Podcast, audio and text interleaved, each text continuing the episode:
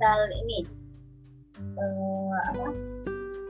Ada suatu masalah uh, bukan masalah sih maksudnya komunikasi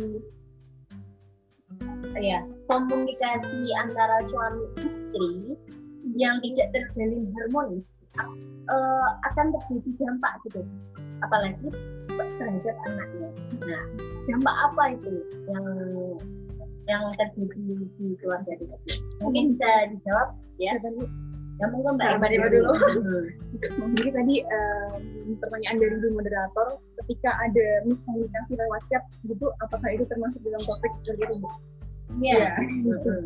Jadi gini ya, kalau kita komunikasi lewat chat itu kan memang kurang kita hanya bisa bertukar pesan, bertukar pesan lewat chat, tapi nggak bisa melihat orangnya berhadapan secara langsung kita nggak bisa melihat body language-nya seperti apa tatapan matanya. Itu kan karena juga uh, sangat berarti dalam komunikasi gitu. Dia body language-nya atau pokoknya posisinya dia gitu. Dan itu adalah uh, lebih baik bertemu secara langsung gitu mbak. Iya. Yeah. nah terus apakah itu termasuk toxic? Ya jelas.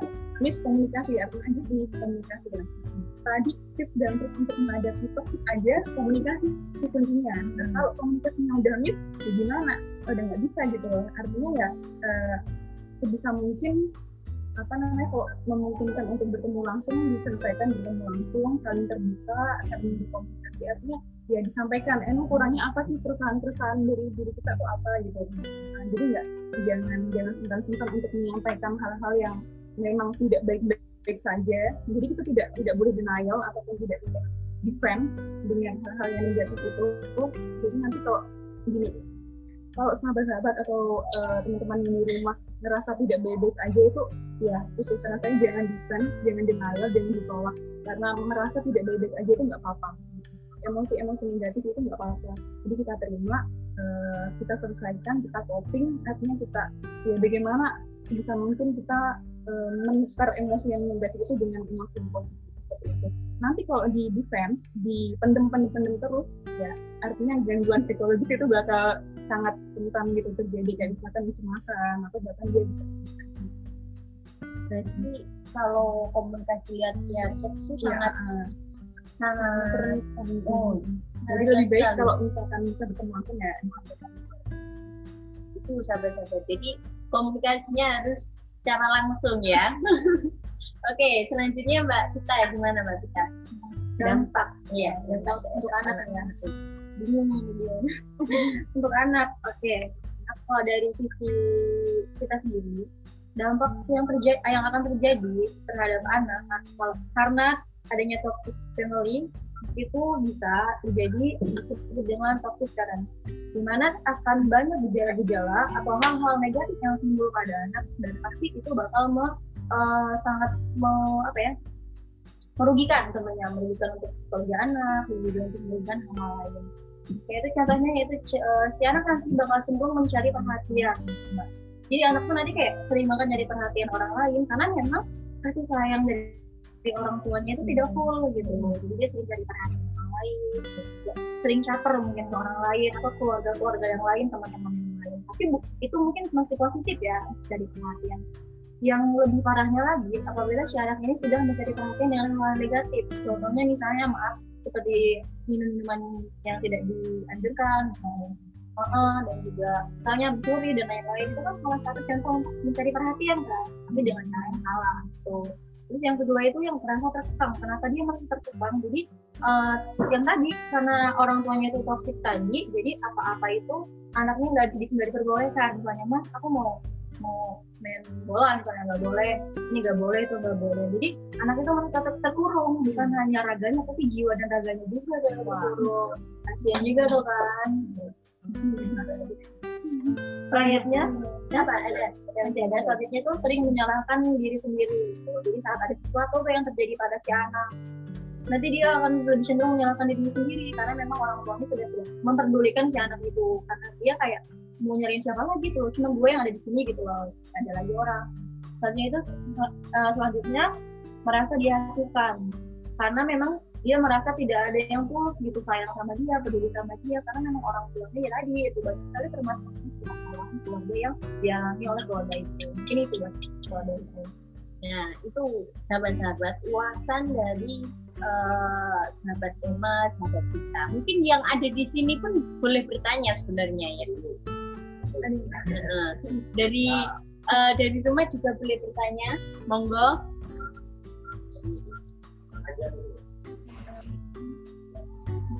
Oh ya, Mas Azam katanya mau tanya Mas Azam, gimana Mas Azam? Uh, apakah uh, mengalami uh, masalah gimana?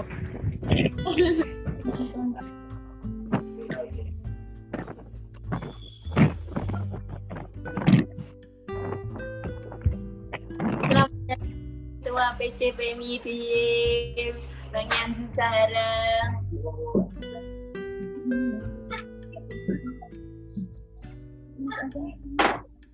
Nah,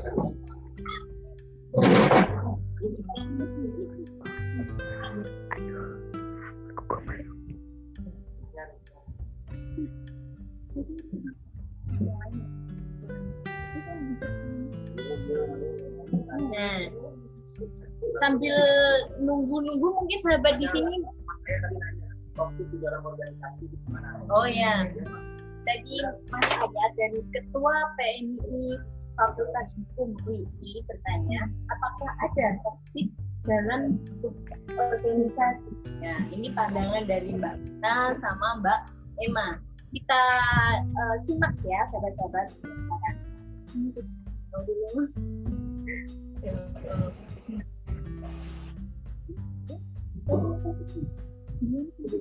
toksik dalam uh, organisasi itu apa saja norma toksik dalam organisasi jadi partner kerja kayak gitu uh, jelas ada kan tadi sudah uh, uh, dibahas ya awal karena toxic relationship ini nggak cuman nggak cuma ngomongin soal hubungan kita dengan pasangan tapi juga dari diri keluarga dari juga rekan kerja kalau toxic dalam organisasi jelas ada karena kita organisasi itu kan banyak ya terdiri dari banyak orang terus kita punya tujuan yang sama untuk uh, mencapai itu kita punya berbagi nilai-nilai yang sama nilai kan sikap-sikap yang sama gitu dan tentunya kalau dalam organisasi ya sangat memungkinkan ada yang toxic gitu. misalkan salah satunya adalah ada orang yang misalkan pemimpin pemimpin sama bawahannya nah itu juga entah sekali ada toxic gitu. ketika pemimpin itu nggak uh, nggak bersikap sebagai seorang leader itu malah apa namanya aja gitu.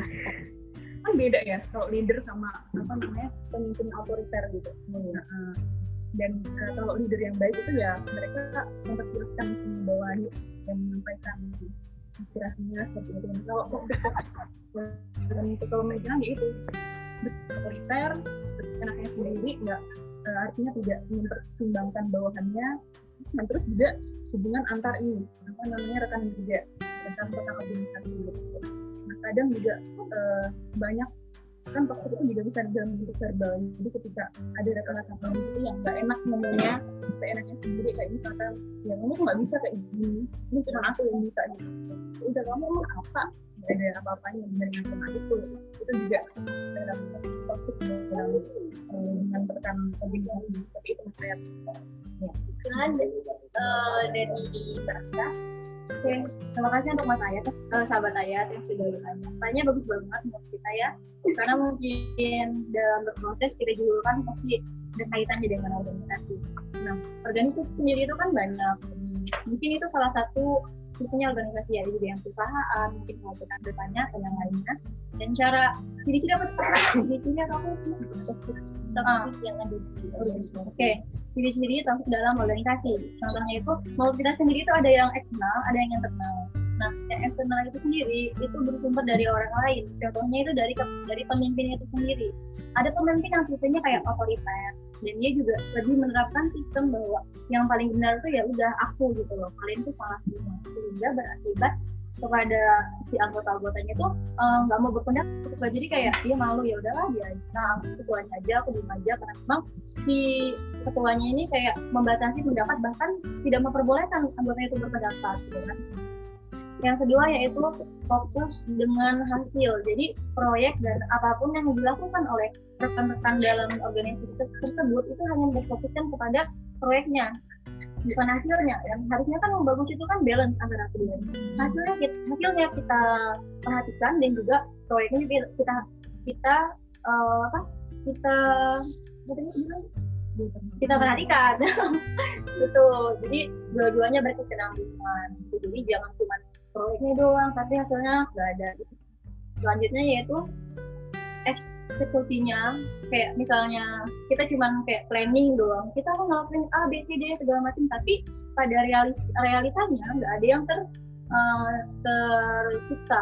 Nggak ada yang apa ya nggak ada yang ada itu intinya nggak nggak ada gitu. Cuma om dua doang gitu. Itu salah satunya juga itu sahabat uh, ayat. Jadi uh, intinya adalah organisasi itu harus terjalin dengan sempurna. Maksudnya nggak nggak harus sempurna banget ya tapi harus jalan selaras. Jadi kepala juga butuh kaki kaki juga butuh kepala kayak gitu ya.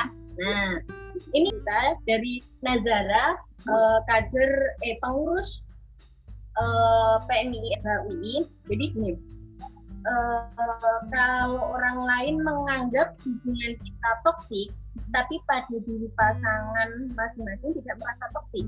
Uh, apakah itu disebut toxic relationship? Nah, oh, terus yang kedua, ukuran toksiknya itu apa? Uh, ukur ukuran jadi dari toksik itu yang menentukan toksik itu diukur dari apa gitu.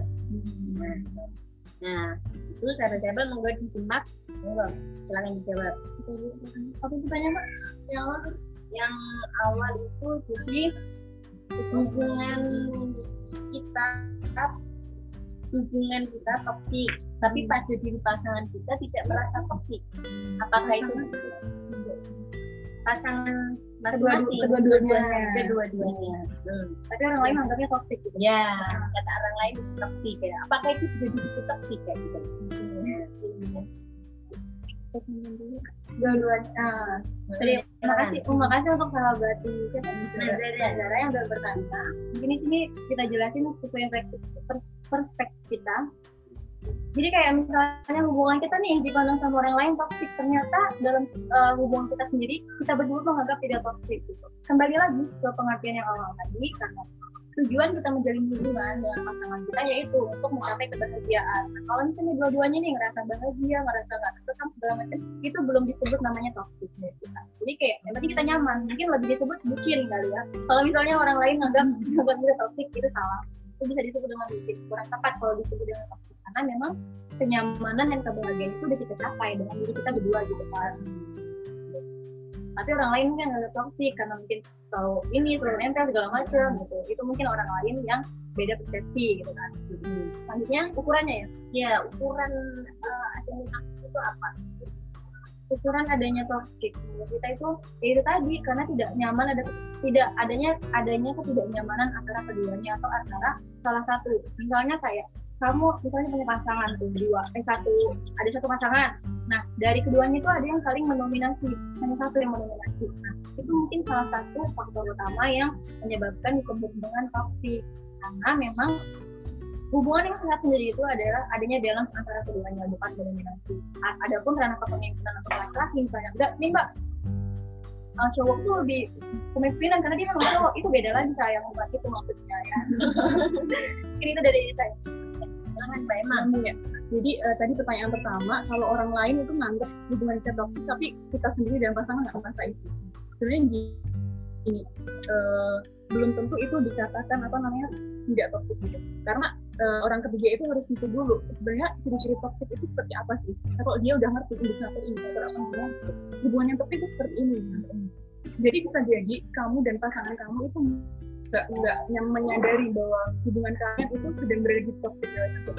Karena banyak sekali orang yang dia udah tahu kalau hubungannya tuh nggak baik aja. Hmm. tapi dia nggak mau mengakhiri itu gitu. Dengan alasan pertama dia takut kesepian nanti kalau ya, apa namanya sudah ah, ya. bisa move gitu. Dan kedua adalah takut karena dia udah terlalu bergantung sama pasangannya nih. Nanti kalau aku nggak sama dia gimana ya? Kan aku biasanya udah sama dia nih. Terus gimana ya? Nanti eh gitu ya. Dia nggak bisa ah gimana gimana gimana dan ketakutan ketakutan itu pak. Yang menjadikan artinya kita uh, menolak kalau hubungan kita tuh nggak baik-baik aja. Menolak untuk mengakui itu nah itu yang bahaya karena kita juga harus tahu bahwa hubungan yang toksik itu nggak baik untuk dipelihara gitu. Kita yang mau tidak mau pasti memang sakit di awal ya. Sakit di awal gitu nggak apa-apa lah. Kita cut orang yang emang uh, kita penting uh, kita nggak penting itu kan emang susah ya. Karena uh, juga hmm, apa namanya udah kita udah terbiasa sama dia tapi terus akhirnya kita kita hilangkan di hidup kita itu bisa. Tapi ya lama kelamaan itu akan sembuh dengan sendirinya kita belajar untuk self healing dengan sendirinya seperti itu nah ya itu jadi artinya uh, kesimpulannya kamu dan juga pasangan kamu tuh harus benar-benar menyadari itu toxic atau enggak sih harus berani mengakui itu aja gitu berani mengakui. Kalau kalau apa namanya sebenarnya udah toxic tapi nggak berani karena takut takut apa namanya berpisah atau apa. Itu eh, yang pertama harus harus menyadari itu terus yang kedua apa tadi ukuran. Nah ukuran itu kan banyak ya sebenarnya hubungan yang toxic itu yang bisa mengukur ya kamu dan pasangan karena eh, toxic itu bisa secara jika kamu benar yang dikatakan mbak Sita tadi salah satunya dominan terus setelah itu adalah kamu eh, ngerasa sudah tertekan sudah artinya sudah kok berantem terus nggak ada bahagia bahagianya terus setelah itu kayak, uh, namanya kayak manut-manut aja ketika pasangan kita meminta izin kita manut aja karena takut kehilangan dan sebagainya. Nah itu itu juga uh, ukuran dari toxic. Ataupun bisa juga toxic itu bisa secara kekerasan. Nah, abusive relationship itu juga termasuk toxic. Karena banyak sekali kekerasan dalam berpacaran itu kasusnya udah banyak banget gitu. Dan juga uh, kekerasan secara verbal itu termasuk jadi yang bisa mengukur adalah kamu dan pasangan sendiri nah itu mbak Nazara aja uh, menurut uh, orang lain belum tentu uh, benar dari pasangan kita sendiri kayak gitu. jadi kita harus menyadari uh, apa yang apa yang kita lakukan apa yang kita jalani bersama pasangan itu terjalin toksik atau tidak kita harus menyadari introspeksi diri lah ya. Nah ya. ada di, di rumah lagi kerja mungkin ya di warung kopi. Bisa tanya-tanya tentang toksik atau curhatan hari kalian. Monggo boleh silakan. Nah sahabat kita boleh sebenarnya menanggapi kok Nazara boleh menanggapi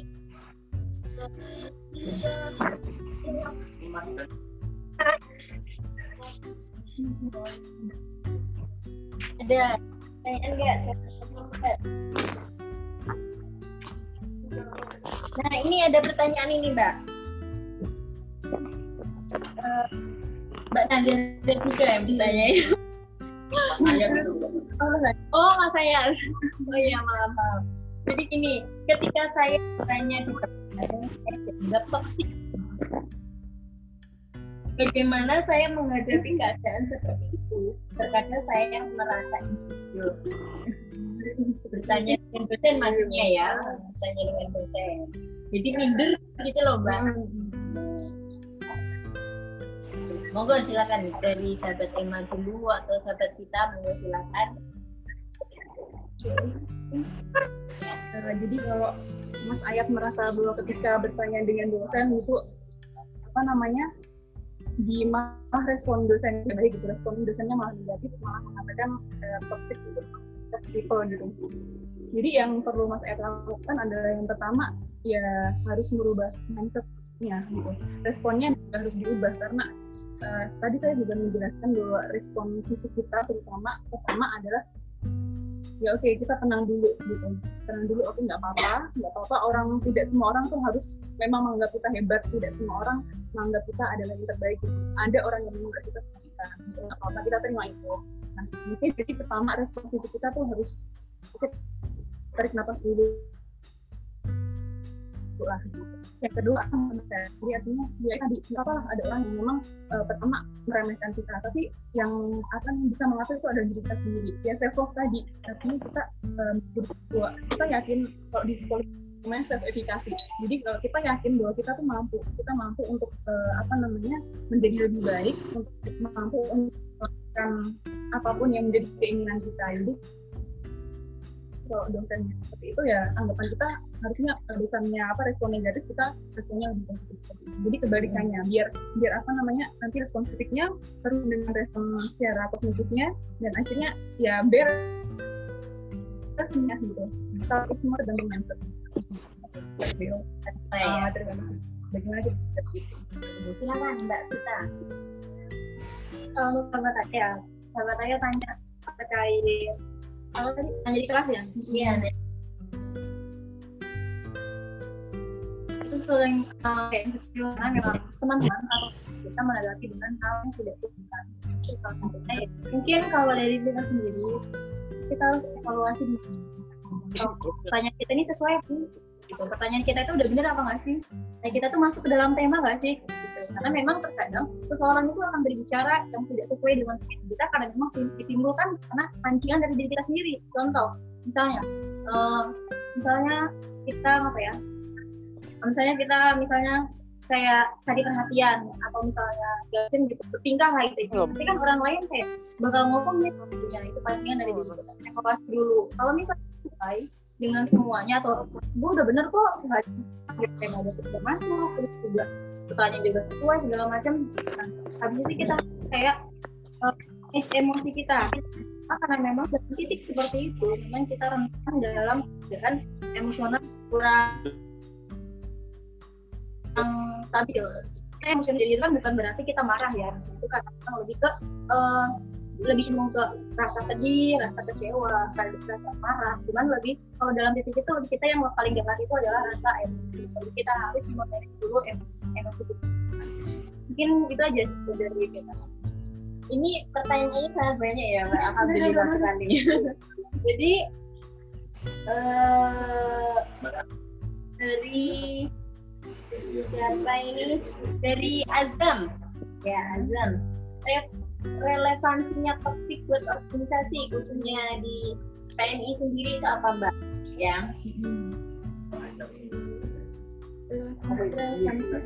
Ya, hubungannya topik sama organisasi khususnya di PNI sendiri. Jadi azam. Ya, silakan Mbak Emma. Uh, jadi relevansi toxic sendiri dalam hubungan kita berorganisasi itu sebenarnya sangat sangat relevan gitu. Karena tadi juga uh, nyambung sama Mas Ayat, bagaimana topik itu diterapkan dalam apa namanya rekan-rekan organisasi gitu. Nah, Oke, okay. kalau kita ngerasa ada toxic dalam hubungan rekan organisasi, jelas kita bakal kayak ngerasa tidak bebas dalam apa namanya proses gitu. Khusus PMI gitu. Misalkan ada orang yang lebih dominan. Nah, uh, saya juga pernah merasakan gitu ketika melihat sahabat-sahabat yang pintar bicara di forum dan sebagainya itu kayak terasa minder aja gitu. Ini orang pintar banget ya? Bacanya apa aja gitu. Dan artinya nanti ngomong tapi salah. Nah itu juga itu masuk ke karena kita merasa insecure sendiri dengan diri kita nah itu juga harus uh, sebenarnya harus di, di harus di apa kita menyadari itu adalah hal yang tidak baik. Justru ketika kita uh, tidak dipintar dari kita ya kita orang bisa. Jadi aku harus uh, harus kayak dia nih harus bisa juga gitu. Gitu terus juga apa namanya uh, terkait dengan hubungan antara pemimpin dan bawahan tadi juga. Nah itu relevan juga nah, kalau kita jadi pemimpin juga harus sadar bahwa ada bawahan yang harus diayomi ada bawahan yang apa namanya nggak nggak bisa kita sewenang-wenang aja. Hmm. uh, otoriter itu harus bisa menempatkan sebagai leader leader yang baik hmm. ya. Monggo silakan Mbak Sita. Menurut Mbak Sita itu uh, hubungannya toksik sama organisasi itu yang kayak sendiri apa mbak? Kalau dari kita sendiri hubungannya itu jelas jelas sangat apa ya sangat berpengaruh ya untuk proses kita. Karena kita tahu khususnya PMI itu sendiri ya.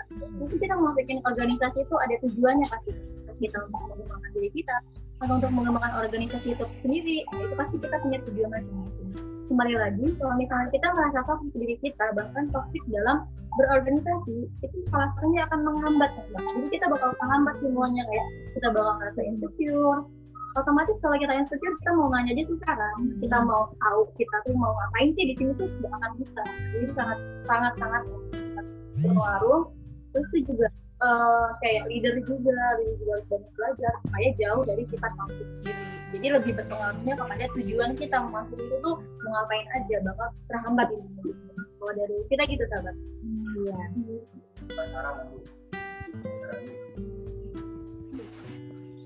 nah ini ditanggapin lagi sama apa Azam. Jadi gambaran yang lebih spesifik mbak. Jadi uh, bisa dicontohkan uh, apa hubungannya di organisasi kayak gitu jadi contohnya. Contohnya langsung. Jadi contohnya langsung biar lebih uh, paham yang di sana juga dicontohkan ya. Iya tadi kan uh, saya juga sempat uh, gitu apa namanya mencontohkan implementasi langsung bahkan saya sendiri yang mengalami Nah, ketika saya pernah dulu gitu, ketika melihat sahabat-sahabat yang sudah pandai untuk berbicara di forum dengan saya kayak merasa insecure, uh, apa namanya orang pintar banget gitu bacanya apa apa aja kok bisa saya nggak bisa ya. Saya mau apa namanya masih ragu untuk menyampaikan pendapat di forum. Itu juga toxic buat saya sebenarnya. Karena saya apa karena saya terlalu apa namanya langsung ngeblok ngeblok pikiran saya dengan ya kamu nggak bisa kayak gini mah. Gitu. Nah itu toxic banget. Nah justru seharusnya kebalikannya ketika kita melihat orang yang lebih pandai orang yang lebih pintar lebih dari kita ya itu adalah ini lebih baik jadi aku harus bisa nih kenapa aku nggak bisa gitu sama-sama berproses? Kita punya samaan sama-sama punya wadah yang sama? Kayak gitu. Gitu. Contoh konkretnya. Jadi gini mas Hajam uh, hubungannya toksik sama organisasi itu uh, juga kaitan ini. Karena konflik ini adalah sebuah permasalahan yang timbul adanya uh, komunikasi yang salah, komunikasi yang terjadi yang terjadi itu uh, salah kayak gitu Mas Azam. Nah, mungkin itu ya Mas Azam ya. Nah, dan pertanyaan dari uh, Bondan, sahabat Bondan, bagaimana memperbaiki hubungan toksik kita perbaiki hubungannya atau menjudge personalnya kayak gitu ya kita simak uh, lebih lanjut monggo itu hubungan lingkup apa nih? Kan ada toksik dalam pertemanan ada juga atau ini berusaha ya. Bisa. solusinya ya. Perbaiki ya perbaiki yang pasti ya. Tapi juga mungkin kalau dalam segi pasangan atau pertemanan relasinya itu mungkin kita bisa bisa ambil solusi dengan seperti itu dengan cara ya. Kita ini uh, lebih melihat aja filter ini masih pantas dipertahankan atau dibuang? Karena memang ada beberapa orang yang lebih lebih memilih untuk uh, mengakhiri dibanding memperbaiki contohnya mungkin kalian bisa ambil solusi itu juga kalau memang dia udah benar-benar nggak bisa nih yang untuk diobrolin gitu selanjutnya yang kedua mungkin bisa dikomunikasikan jadi kita cari dulu masalah-masalah apa yang termasuk ke dalam toxic itu sendiri. Nah, baru kita obrolin, karena memang toxic itu nggak mungkin ya kita toxic kayak pasti ada lawan tuh, entah kita sama teman, pasangan, keluarga dan lain-lain. Itu pasti kita ada dari dua faktor, nggak mungkin dari satu faktor doang. Jadi kita harus komunikasikan gitu. Gitu mbak, kalau nggak dibuang dikomunikasiin, dulu gitu. Berarti kuncinya itu adalah komunikasi. Ya. Jadi Mbak Emma sendiri sama ya sama sahabat kita. Jadi tadi sebenarnya kunci dari gimana kita mengatur adalah dan komunikasi. Nah, pertama empati dulu. Empati kita berpikir diri kita sama pasangan kita misalkan apa yang salah di diri saya gitu dan apa yang kenapa pasangan saya ini ya gitu empati dulu kalau emang nggak bisa oke okay, coba komunikasikan sebenarnya apa yang menjadi kesan dari kesan pasangan saya gitu? Sebenarnya kita kurang apa sih? Aku kurang apa? Kamu kurang apa? Ayo kalau bisa kita perbaiki bareng-bareng gitu. Dan kalau emang nggak bisa ya itu tadi.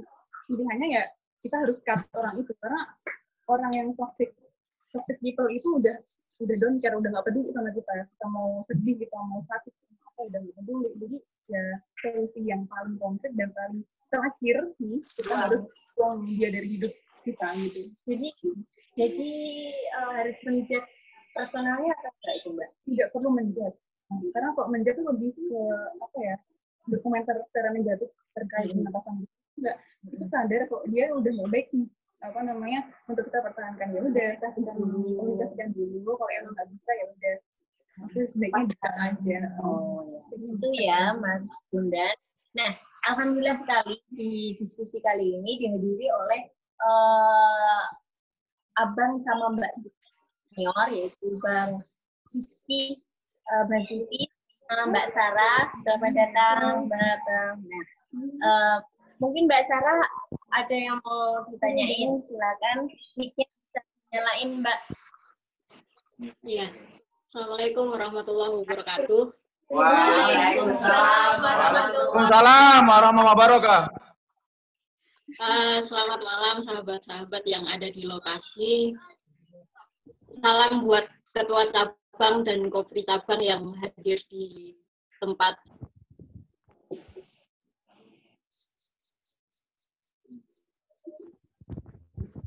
Ya.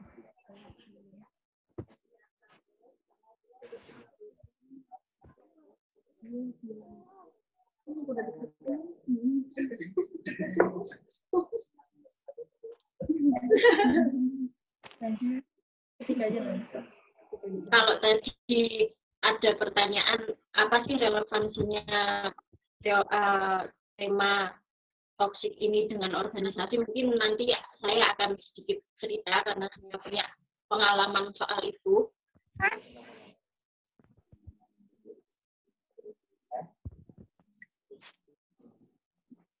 Oh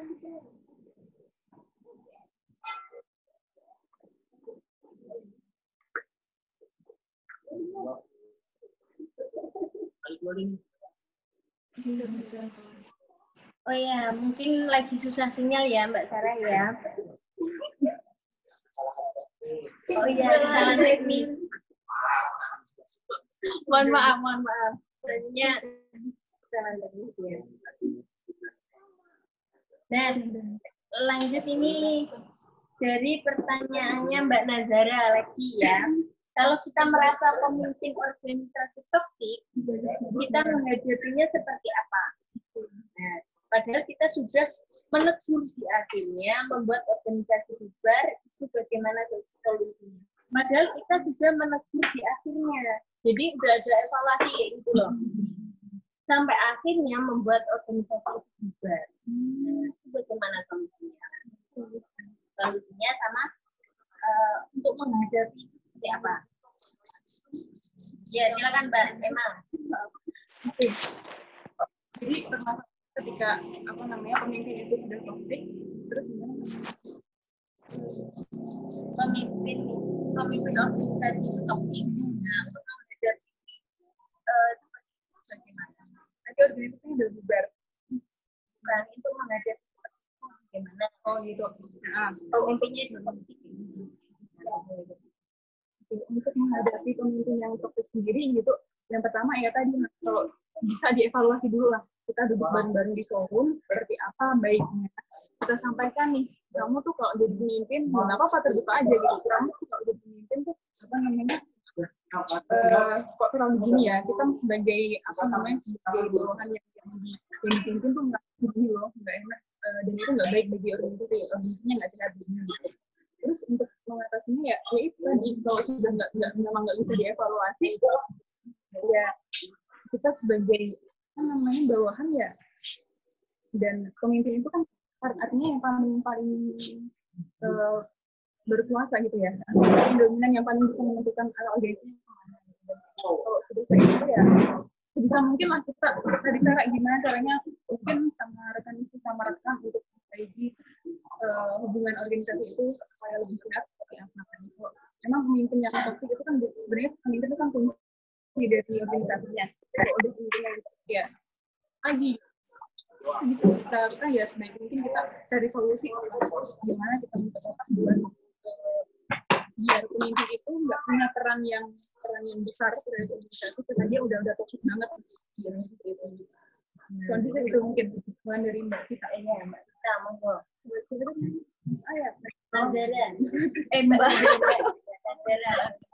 Terima kasih kepada sahabat Nazara yang sudah bertanya. Pertanyaannya udah berkali-kali tapi bagus-bagus semua menurut kita karena memang sesuai dengan kehidupan kita sehari-hari. Bahkan berorientasi mungkin ya sahabat ya.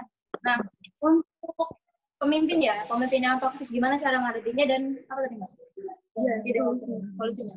Yang pertama mungkin dari kita sendiri itu kita harus uh, jaga jarak atau mungkin lebih fokus kepada pekerjaan kita supaya ya udah yang toxic kamu aja jangan ajak aku gitu. Intinya kita jangan terlalu memfokuskan diri kita kepada pemimpinnya. Jadi pekerjaan kita tetap jalan pekerjaan kita tetap bagus tapi pemimpinnya ya udah gitu. Karena memang itu uh, prioritasnya udah beda itu lebih ke pribadi uh, pemimpinnya selanjutnya yaitu uh, ya, tanya dengan kita atau tanya dengan rekan-rekan kerja kita dengan rekan-rekan organisasi kita tanya uh, sebenarnya pemimpin kita tuh gimana sih? Fokus apa enggak? Gini-gini apa enggak? Pokoknya itu kita tanya juga. Jangan sampai yang merasakan toksik itu sendiri hanya kita diri kita sendiri. Nah bisa jadi itu malah kita yang toksik bukan pemimpinnya selanjutnya solusinya itu dengan cara mediasi yang tadi kenapa karena kalau udah jadi atasan itu mungkin susah ya kalau kita harus ngomong langsung ke bosnya.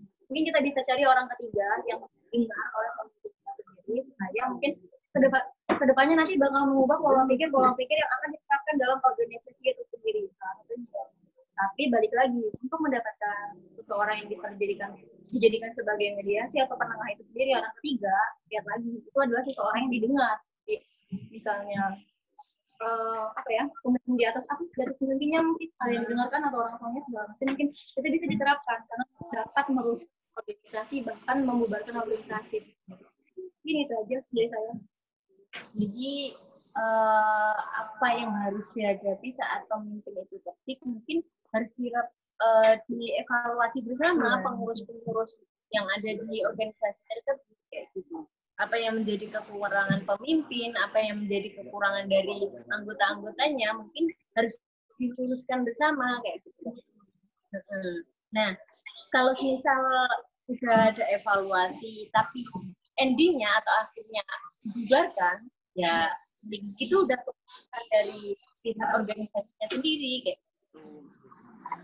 Nah, selanjutnya mungkin bisa dilanjut dari uh, Mbak Sarah ya, kita uh, mau bertanya tadi diteruskan karena ada kesalahan teknis. Monggo Mbak Sarah silakan. Oh iya. Uh, mohon maaf tadi sempat terjeda bentar ya. Iya Mbak. Buat Ketua PC sama Bu Kopi, uh, selamat malam dan sahabat-sahabat PMI semuanya. Langsung saja, uh, pertama gini, ini apa ya?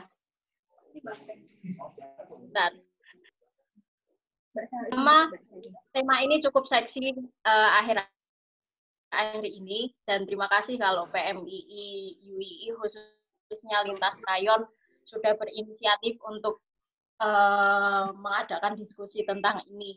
Nah, yang saya ingin menanggapi sedikit pertama gimana sih kira-kira kalau uh, di dalam diri kita itu kita nggak punya pengetahuan soal toxic relationship. Jadi oposisi toxic kui kita sama sekali nggak ngerti.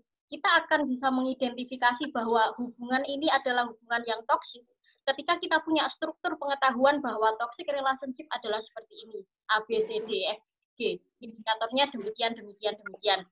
Nah kalau misalnya kita nggak punya nggak punya struktur pengetahuan itu, kira-kira gimana kita bisa memahami toxic relationship ini. Itu yang pertama. Yang kedua, kok pematerinya cantik-cantik semua ya? Yang kader-kader cowok pada ke mana? Karena saya kira kalau punya kalau tehnya ini teman-teman uh, kader kader-kader laki-laki sangat berkapasitas kok untuk membicarakan soal tema ini. Yang kedua, uh, selain soal kapasitas, kita juga apa ya?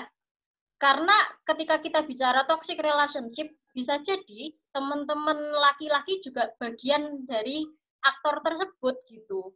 Kita juga iya. aktor, teman-teman laki-laki juga aktor gitu. Maksud saya ketika kita duduk bareng di satu forum, barangkali kita punya satu uh, frame yang sama, kita punya satu pengetahuan yang sama. Oh ternyata toxic relationship itu seperti ini, itu. Uh, mungkin saya akan sedikit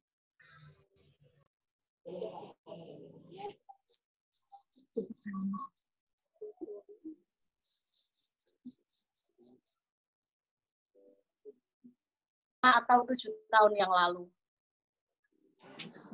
Kira-kira gimana sih? Sering kali saya mendapatkan apa ya, ya semacam screenshot atau apa pun itu yang kita sendiri waktu itu kita nggak tahu loh bahwa kita sedang berada di hubungan yang sangat toksik gitu. Karena tadi bahwa struktur pengetahuan kita soal toksik itu nggak ada seperti itu. Nah, gimana kita mau keluar kalau struktur pengetahuan wae nggak ada kan gitu toh? Itu. Nah, terus tadi ada pertanyaan gimana uh, eh, relevansinya toksik dengan organisasi gimana? Saya akan sedikit cerita tapi yo sebatas cerita aja ya. Uh, dulu ketika di awal-awal PMII, saya pernah menjalin hubungan yang sangat toksik. Ya, ketika personal kita, hubungan kita memang bisa kita selesaikan di antara diri kita, mungkin nggak akan berpengaruh ke organisasi. Tapi waktu itu, sekali lagi saya nggak punya pengetahuan soal toksik. Makanya berdampak ke organisasi. Dampaknya apa? Ketika diskusi misalnya, telepon itu sampai puluhan kali dan saya nggak nyaman dengan itu saya punya kebebasan untuk mencari pengetahuan tapi kenapa harus dihalangi seperti itu karena alasan ABCDFG yang nggak masuk akal. Itu. Bahkan uh, apa ya persoalan-persoalan yang menurut saya nggak begitu nggak begitu apa ya nggak itu pantas untuk di, diobrolkan pada akhirnya menjadi obrolan kita karena hubungan kita sudah sangat toksik. Itu tadi. Saya ketika misalnya ketika ketika saya sudah punya struktur pengetahuan soal toksik, barangkali saya bisa memberikan argumentasi juga bahwa kamu nggak boleh seperti ini, kamu nggak boleh seperti itu. Tapi kan lagi-lagi saya nggak punya waktu itu pengetahuan soal toxic relationship.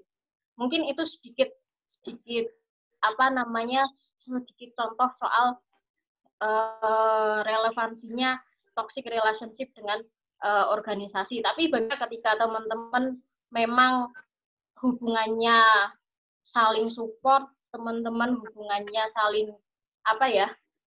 Yo intinya nggak toksik, nggak toksik mah yo tak kira nggak ada kaitannya dengan uh, organisasi. Lain cerita ketika misalnya kita nggak bisa mengendalikan diri kita atau hubungan kita, itu akan berdampak pada pada apa ya sekeliling kita bahkan nggak cuma berorganisasi deh hubungan kita dengan orang tua barangkali juga akan terganggu kok ketika hubunganmu atau hubunganku dengan pasar ini sangat toksik gitu.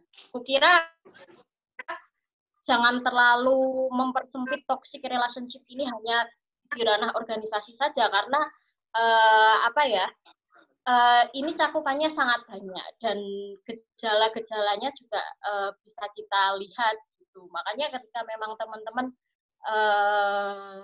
apa memang ingin menjalin sebuah hubungan atau apa pun itu silahkan bangun sesehat mungkin karena sekali lagi yang menjalankan ya teman-teman untuk apa toksik gitu loh hubungan ini juga hubungan gitu yang yang kita jalankan bersama-sama seperti itu Mungkin itu sedikit tanggapan dari saya. Terima kasih. Terima kasih Mbak Sarah. Jadi juga ditanggapi oleh Mbak Sarah bagaimana uh, hubungan antara topik sama organisasi karena uh, pengetahuan topik sendiri di organisasi itu belum belum ada kayak gitu. Nah, menurut dari sahabat mas sahabat kita, bagaimana menangkas uh, apa namanya biar kader-kader paham adanya mungkin uh, sahabat emak sahabat kita monggo. Bagaimana supaya kader-kader kita paham ya yeah. kita yang pertama ikuti semua uh, seperti ini ya apa namanya? Diskusi diskusi diskusi mungkin yang terkait tentang kepentingan terkait organisasi dan yang pasti kita harus ikuti itu adalah uh, diskusi seperti ini berhubungan dengan topik kita sendiri supaya kita paham juga. Pemimpinan topik itu seperti apa? Organisasi itu apa? Sebenarnya makanya perlu deh kayak ada nilai selanjutnya sebetulnya ya. Diskusi diskusi selanjutnya dari kita dari kita sendiri dan dari organisasi kita sendiri untuk supaya kadang-kadang kita tuh paham gitu loh apa sih toxic itu itu yang pertama. Dan menarik kita diskusi. Terus juga mungkin bisa kalau tuh sharing-sharing sama yang lebih berpengalaman terkait toxic itu kita tidak menutup kemungkinan atau tidak menutup uh, jenjang pendidikannya atau pengetahuannya dari dari pendidikan uh, organisasi aja mungkin bisa kalian tanya dosen langsung atau ahli psikologi langsung kalau kalian punya teman yang seperti itu atau dari aspek hukum, aspek sosiologi semuanya masih luas cakupannya. Bebas kalian pilih yang mana itu. Baca-baca buku juga bisa kan dari berbagai sumber, bisa dari buku, bisa dari orang langsung. Malah itu lebih lengkap lagi kan informasinya dan yang pasti yang paling benar sih kita diskusi sih biar kita sharing ilmu juga gitu. Ya, menurut Mbak Emma gimana? Uh, sebenarnya gini, kalau sebelumnya kita nggak punya struktur pengetahuan tentang hal itu ya, uh, sebenarnya kita juga udah tahu nih kalau uh, memang kita nggak bisa menyebutkan bahwa hubungan itu adalah hubungan yang toxic. Tapi kita udah ngerasain kok nggak nyaman ya di organisasi itu. Kok ada kayaknya nggak beres sama organisasi aku gitu. Makanya dari itu juga kalau selama ini kita memang uh, sebelum kita mengenal toxic, kita ketika ada ketidaknyamanan dalam organisasi itu kenapa? Solusinya adalah kita komunikasi dulu kan, komunikasi sama rekan organisasi lah. Nah itu sudah ini sudah termasuk solusi kita mengatasi toxic ini. Walaupun kita nggak tahu nih namanya ternyata bukan toxic kayak gitu loh. Nah terus kalau misalkan uh, apa namanya untuk lebih jauhnya biar lebih tahu, biar kita lebih kenal dan biar bisa mengatasi dengan efektif gitu langsung ke sumber masalahnya ya itu tadi benar kata mbak kita ya kalau ada diskusi yang memang sekarang banyak banget ya karena influencer influencer di media itu banyak banget yang membahas soal ini. Sudah banyak sekali mudah banget diakses kalau kita bantuan profesional juga bisa menemui psikolog pun uh, kalau dalam permasalahan ya psikolog organisasi itu konsultasi online pun juga sudah bisa gitu dengan mudah untuk jadi sekarang untuk kondisi sekarang tidak ada alasan lagi untuk kita nggak tahu terkait dengan ini gitu. Mungkin itu masalah terus juga itu tadi mengatakan bahwa tidak perlu membatasi uh, relationship yang toxic itu. Jadi nggak cuma hubungan organisasi. Ya ben ya benar gitu. Karena uh, toxic itu bisa terjadi dalam setiap lapisan hubungan. Yang pertama dari keluarga tadi ini itu keluarga. Terus yang kedua adalah hubungan pertemanan dengan rekan organisasi. Terus uh, dengan pasangan kita. Terus yang terakhir adalah untuk yang lebih luas bahkan orang yang nggak kita kenal pun itu bisa jadi toxic. Kita cuma ketemu sekali dua kali tapi dia sotoy banget terhadap hidup kita. Tiba-tiba uh, momen blaming bisa-bisa menyalahkan kita itu juga bisa jadi toxic. Jadi luas banget caranya untuk toxic ini. Jadi uh, untuk bisa memahamkan kader adanya permasalahan itu bukan melalui diskusi-diskusi ya diskusi-diskusi. Nah ini ditanggapin lagi sama uh, sahabat ayat ketua rayon FHUI. Uh, jadi toksik atau enggak, toksik atau enggaknya toksik itu tergantung pada persepsi diri sendiri uh, dan orang lain. Uh, permasalahan toksik itu uh, permasalahan itu terjadi atau tidak terjadi itu atas dasar persepsi orang lain atau diri kita sendiri. Itu pertanyaannya. Iya. Jadi uh, untuk menentukan apakah hubungan kita toksik atau enggak, yang tadi kita harus punya itu benar kata Mbak Sarah, itu pengetahuan dulu nih. Tadi kan kita sudah uh, apa namanya diskusi ya dari awal dan mungkin sahabat-sahabat juga sudah tahu nih sebenarnya hubungan yang toksik men menjudge menjudge apakah hubungan kita toxic atau tidak ya berdasarkan yang ya kita sendiri sebenarnya. Kita menyadari kita harus sadar bahwa hubungan kita tuh uh, sebenarnya nggak baik-baik aja nih. Perlu ada yang diselesaikan perlu ada yang diperbaiki gitu. Nah jadi tidak tidak bergantung dengan orang lain. Yang paling pengaruh ya diri kita sendiri gimana uh, memandang sebuah itu gitu. Kalau diri kita sendiri um, toxic apa enggak gitu ya. Kalau kita sendiri itu lebih ke diri diri kita dulu. Kenapa? Kita analogikan sebagai tubuh kita misalnya. Tubuh kita nih ngerasa sakit. Karena toxic itu penyakit ya, mungkin bisa dibilang penyakit. Tapi yang masih abstrak ibaratnya nggak kelihatan. Tapi ada tuh bentuknya, ada bentuk ada rasanya. Kayak sakit kita misalnya. Kita nih ngerasa sakit perut tuh. Gak mungkin kan orang lain yang teriak-teriak duluan, tapi kita duluan yang merasakan. Seperti itu. Jadi mungkin tidaknya bisa disebut apa enggaknya itu mungkin dari diri kita sendiri. Baru ntar kalau misalnya merasa terlalu apa ya terlalu besar rasa toxic itu sendiri nanti baru mengganggu atau tidaknya kalau nah itu baru berpengaruh untuk orang lain karena memang rata-rata orang lain itu akan berkata berkata akan berkata kalau misalnya itu merasa terganggu entah dengan sikap kita entah dengan perilaku kita entah dengan omongan kita dan lain-lain itu sih sahabat saya Hmm, itu suatu saya. Jadi sebelum kita menilai itu toksik atau enggaknya, kita harus paham apa arti dari toksik itu sendiri. Nah, mungkin sahabat yang lain ada yang mau tanya?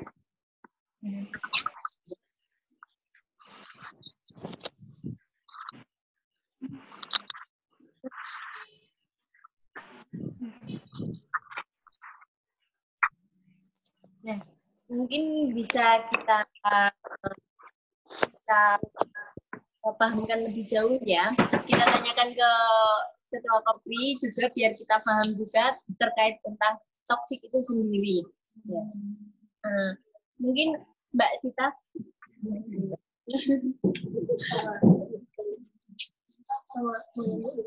ya, sama mungkin sama ketua PCPNI silakan Bang Yandri. Ya, sama Mbak Cita juga. Jadi biar uh, kader-kader di PMI, khususnya di PMI itu sendiri, biar mengenal toksik bagaimana gitu Mbak. Dan untuk menghadapinya, untuk uh, apa ya, untuk masalah toksik seperti apa. Oke. Silakan Mbak. Silakan Mbak. Udah sih. Enggak usah, enggak usah. Kan kedua. Oh, oke. Kamera depan. Oh, Jadi arti dari toksik itu sendiri seperti apa Mbak? Dan hubungannya toksik sama organisasi khususnya di PNI sendiri dan untuk uh, apa menghindari adanya toksik untuk memperbaiki lah solusinya itu seperti apa Mbak kalau sudah terjadi toksik? Nah, saya coba menambahkan karena Hmm. tadi kan sudah banyak banget sih dari narasumber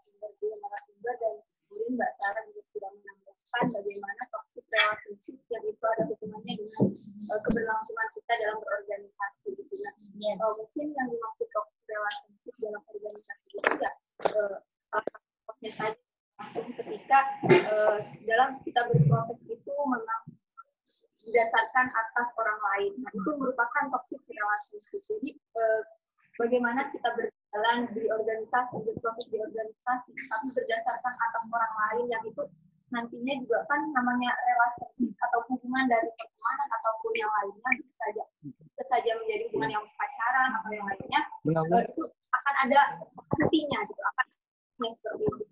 Nah, yang namanya toxic kan keberlangsungan kita dalam, dalam di PNI. Nah, jadi eh, kita akan membedakan ya, yang namanya toxic di dalam berorganisasi seperti itu. Nah, eh, cara-cara gitu ya, trik gitu biar supaya kita itu tidak supaya kita itu tetap eh, berhikmat di PNI tanpa adanya toxic relationship yang itu tuh terjalin atau terjadi di organisasi. Salah satunya ya memang eh, dari niat kita ya. Awalnya niat kita yang harus di- diutamakan seperti itu. Jadi berproses di PMI itu ya memang atas dasar keinginan dan proses di PMI itu atas dasar diri kita sendiri bukan atas dasar orang lain seperti itu ya. Itu mungkin salah satu contohnya. Kemudian yang eh, sebenarnya saya ingin menanyakan ya kepada Badia dan narasumber mengenai bagaimana sih toxic relationship ini eh, akan menuju pada pelakunya akan menuju orang seperti apa dengan sifat yang seperti apa apakah itu ada gitu ya ternyata yang saya pahami dan saya baca itu mengenai toxic relationship itu memang eh, menjurusnya kepada eh, seseorang yang lebih lemah daripada pelakunya seperti itu. Makanya eh, mungkin seperti dalam ketidakadilan gender di mana perempuan ini rawan atau ya yang lebih rentan gitu ya mengalami toxic relationship yang dan itu menjadi korban. Dan ini harus eh, selaku ketua FP PMBBG saya sangat eh, ingin menyadarkan pada kita semua ya laki-laki ataupun perempuan bahwa toxic relationship ini bisa terjadi kepada siapa pun perempuan laki-laki. Dan itu memang menuju pada seseorang yang eh, mungkin ilmu pengetahuan ataupun power kekuatannya dalam organisasi itu lemah. Baik, baik itu perempuan ataupun laki-laki bisa saja eh, terkena terhadap toxic relationship itu. Eh, selanjutnya seperti halnya dalam eh, rancangan undang-undang penghapusan kekerasan seksual yang baru-baru saja dilakukan. Penghapusan kekerasan seksual itu kan tujuannya untuk menghentikan bertambah, bertambahnya korban kekerasan seksual. Toxic relationship ini memang masih tabu, cuman eh, nanti ke depannya itu akan berpengaruh pada eh, akan menjadi kekerasan verbal ataupun non verbal, fisik maupun non fisik. Nah ini harus hati-hati ya untuk sahabat-sahabat baik laki-laki maupun perempuan yang terhadap toxic relationship ini.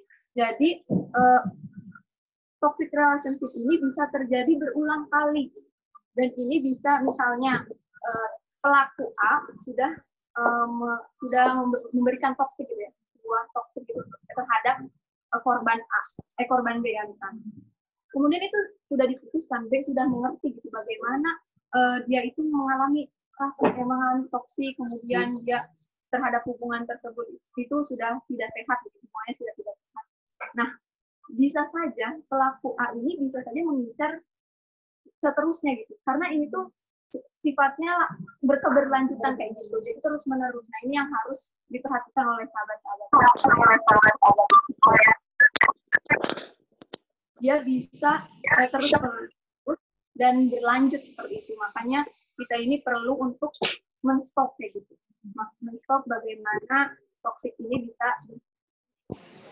jadi hati-hati gitu aja. Terima kasih Mbak Mbak Sita selaku Ketua Kopi PCPNI. Nah selanjutnya ini uh, menurut Ketua PCPNI DIY, uh, Bang Yang Gulbara, silakan.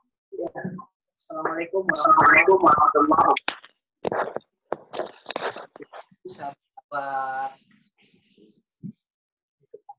PNI Universitas Islam Indonesia. Bagi saya berkhidmat di organisasi, berproses di organisasi, apalagi di PNI itu sudah tidak lagi bisa ditawar-tawar lagi.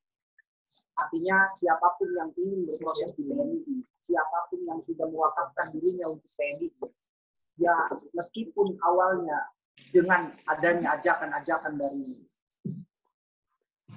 siapa pun yang mengajak untuk kita berproses di PMI, artinya artinya bagaimana? Artinya ketika kita sudah berproses di sebuah organisasi, itulah di situlah kita di eh, apa namanya di, di dipertanggungjawabkan juga komitmen kita karena sebagaimana yang sudah di dibacakan ketika kita pada waktu dibaiat pertama kali adalah bagaimana kita harus bersungguh-sungguh di PMI, harus berkhidmat di PMI. Dan bagi saya, mundur satu langkah berproses di PMI itu sudah tidak lagi bisa ditawar. Artinya, berproseslah sebagaimana yang sahabat-sahabat eh, apa nama komitmen dari awal itu sampai sekarang. Artinya berproses sahabat-sahabat ini meskipun ada dorongan-dorongan faktor lain, akan tetapi juga itulah yang nantinya akan mengantarkan sahabat-sahabat um, ke depan.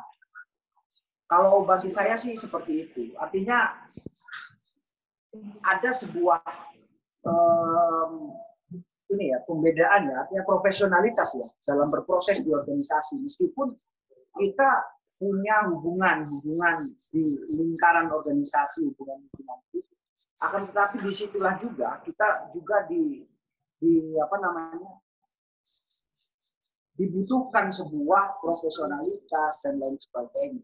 Artinya tidak menjadi sebuah alasan dan juga tidak menjadi sebuah hambatan ketika ada sebuah hubungan di dalam organisasi, yaitulah sahabat-sahabat dituntut untuk bagaimana bisa menjadi sama-sama um, saling mendorong, sama-sama saling berkomitmen di dalam organisasi, bukan malah di saling um, menjatuhkan ataupun bahkan saling curiga lah, tidak boleh berproses, tidak boleh itulah itu sehingga yang menjadi masalah dalam berorganisasi. Itu saja dari saya.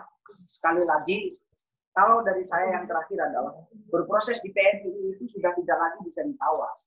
Artinya berkhianat di dalam organisasi itu sudah tidak lagi bisa ditawar bagi saya. Artinya berkhianat terhadap TNI ini ada bagi saya ya, tidak bisa ditebus walaupun dengan tetes darah. Artinya PMI ini organisasi yang dilahirkan para ulama, organisasi yang untuk um, apa namanya memperjuangkan hak-hak masyarakat untuk membendung pengaruh-pengaruh Islam transnasionalisme. Itulah sehingga organisasi PMI ini lahir pada tahun 1960. Itu saja bagi saya. Terima kasih. Salam pergerakan. Salam.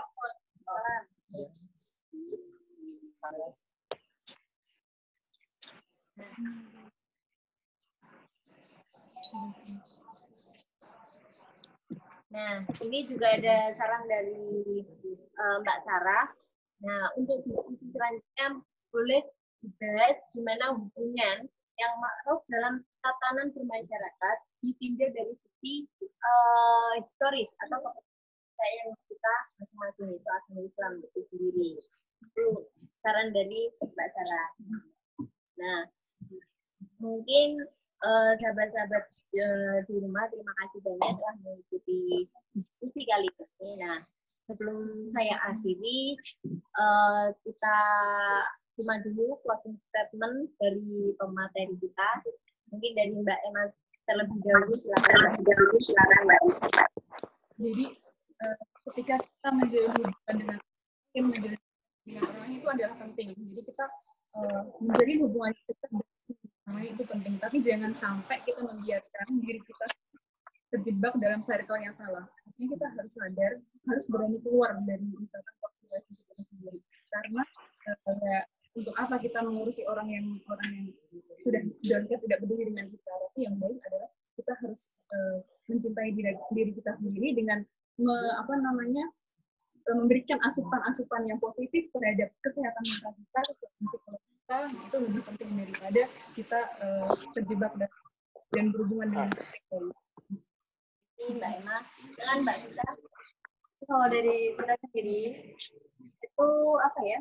Mungkin lebih um, pahami dulu, pahami dulu arti dari toxic itu sendiri apa, dan juga tempatkanlah diri kalian seperti orang lain. Maksudnya kayak apa pun yang kalian lakukan, coba kalian apa pun yang kalian lakukan ke orang lain itu harusnya kalian rasakan dulu. Ibaratnya kayak misalnya kalian mau ngapain, mau jahatin dia atau mau dia. Coba kalian posisikan diri kalian di posisi dia. Mau enak nggak gitu? Kayak itu.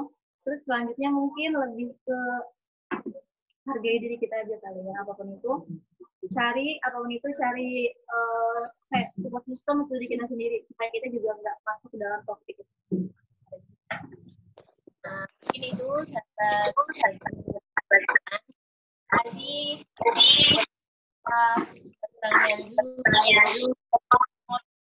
jadi di sini. Terima kasih banyak dan sahabat-sahabat yang adanya diskusi kali ini.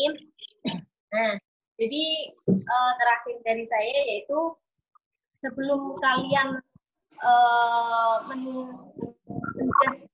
apa permasalahan topik, kalian pahami dulu tempat kalian belajar yaitu ada di PNI sendiri. Terima kasih. Salam bergerakan.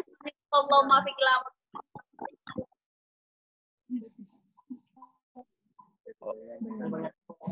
Oh ya. Oh ya, sebelum itu mungkin dari closing statement dari Mbak Cita sama Bang Iya.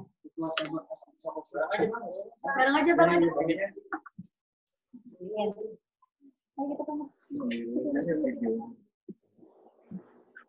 Iya. Silakan Mbak kita sama Mbak Yanji.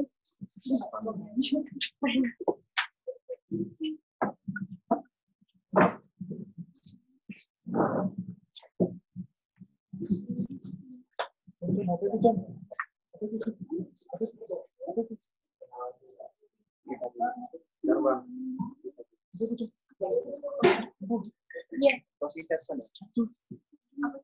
Saran-saran ya, menghadapi topik ini. Ya, saran terhadap TNI. Oke. Assalamualaikum warahmatullahi wabarakatuh. Waalaikumsalam. Salam pergerakan. Salam. Itu perempuan yang melawan. Hidup. Terima kasih sahabat-sahabat. meskipun di dalam pandemi ini, alhamdulillah sahabat-sahabat pergerakan mahasiswa Islam Indonesia, Universitas Islam Indonesia, juga bersama rayon-rayon lintas Universitas Islam Indonesia pada malam hari ini mengadakan diskusi toxic relationship. Artinya meskipun di dalam situasi yang pandemi ini, sahabat-sahabat tetap progresif. Sahabat-sahabat tetap berjuang, tetap komitmen dalam mempertahankan cita-cita kemerdekaan Republik Indonesia. Tidak banyak yang saya sampaikan, tentunya jangan jadikan alasan pandemi ini sahabat-sahabat tidak bergerak. Justru malah jadikan pandemi ini sahabat-sahabat bergerak masif, juga sahabat-sahabat di pandemi ini dipertaruhkan kesungguh-sungguhan sahabat dalam berorganisasi.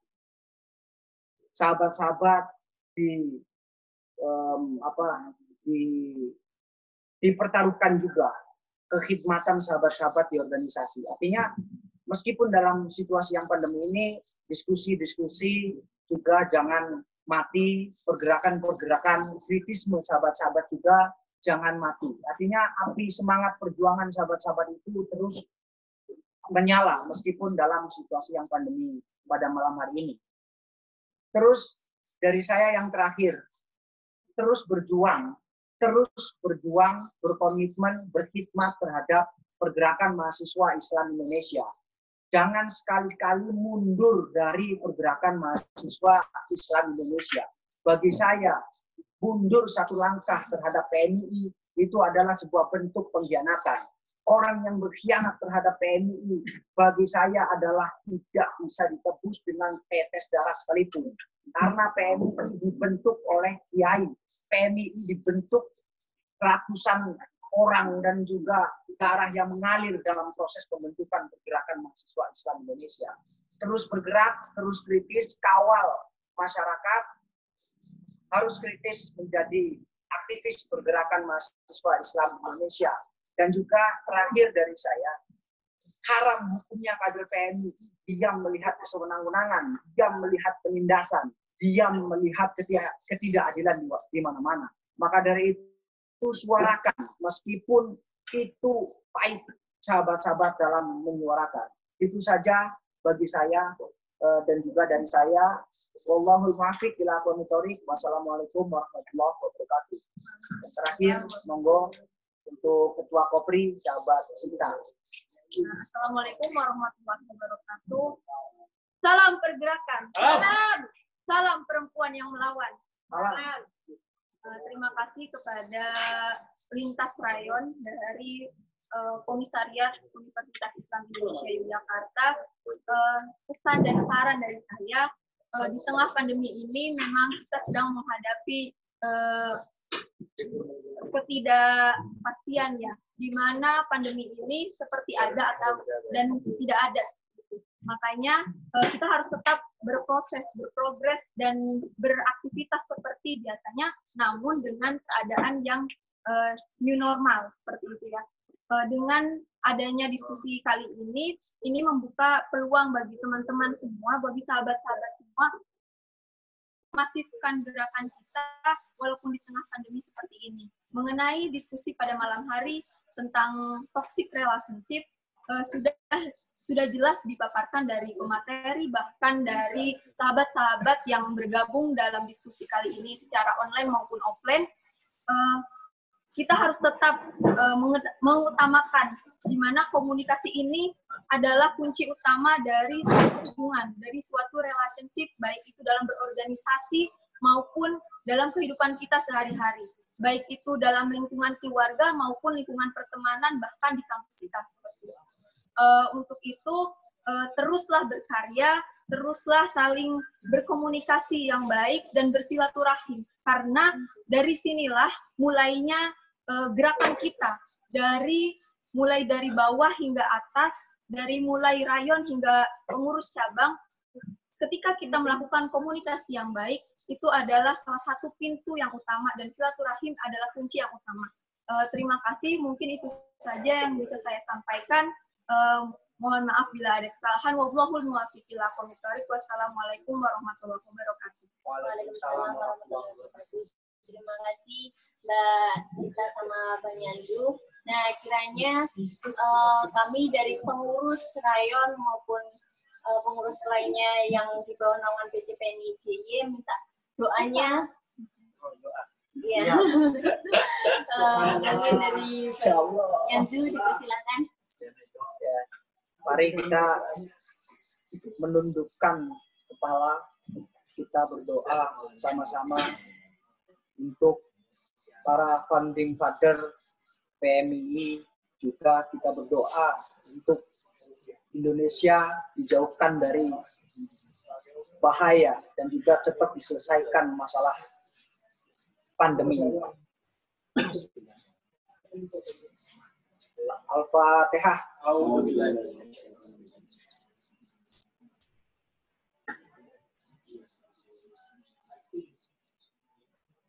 Allahumma sholli wa sallim ala sayyidina wa sayyidina wa lana Muhammad. Allahumma inna nas'aluka salamatan fid din wa afiyatan fil jasad wa ziyadatan fil ilmi wa barakatan fil rizqi wa tawbatan qabla al-maut wa maghfiratan maut. Maut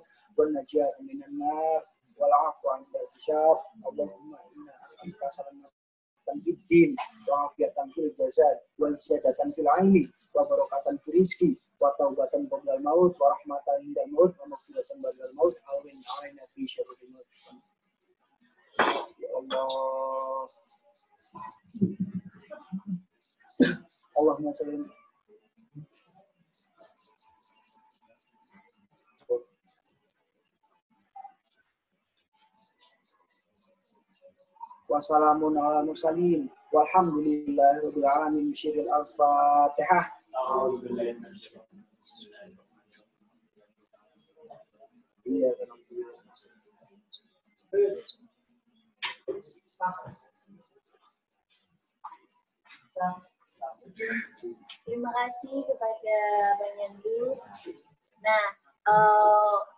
saya akhiri diskusi kali ini. Jika ada kesalahan, saya mohon maaf. Terima kasih banyak. Wallahumma ila aqwamit thoriq. Wassalamualaikum warahmatullahi wabarakatuh. Salam pergerakan. Salam.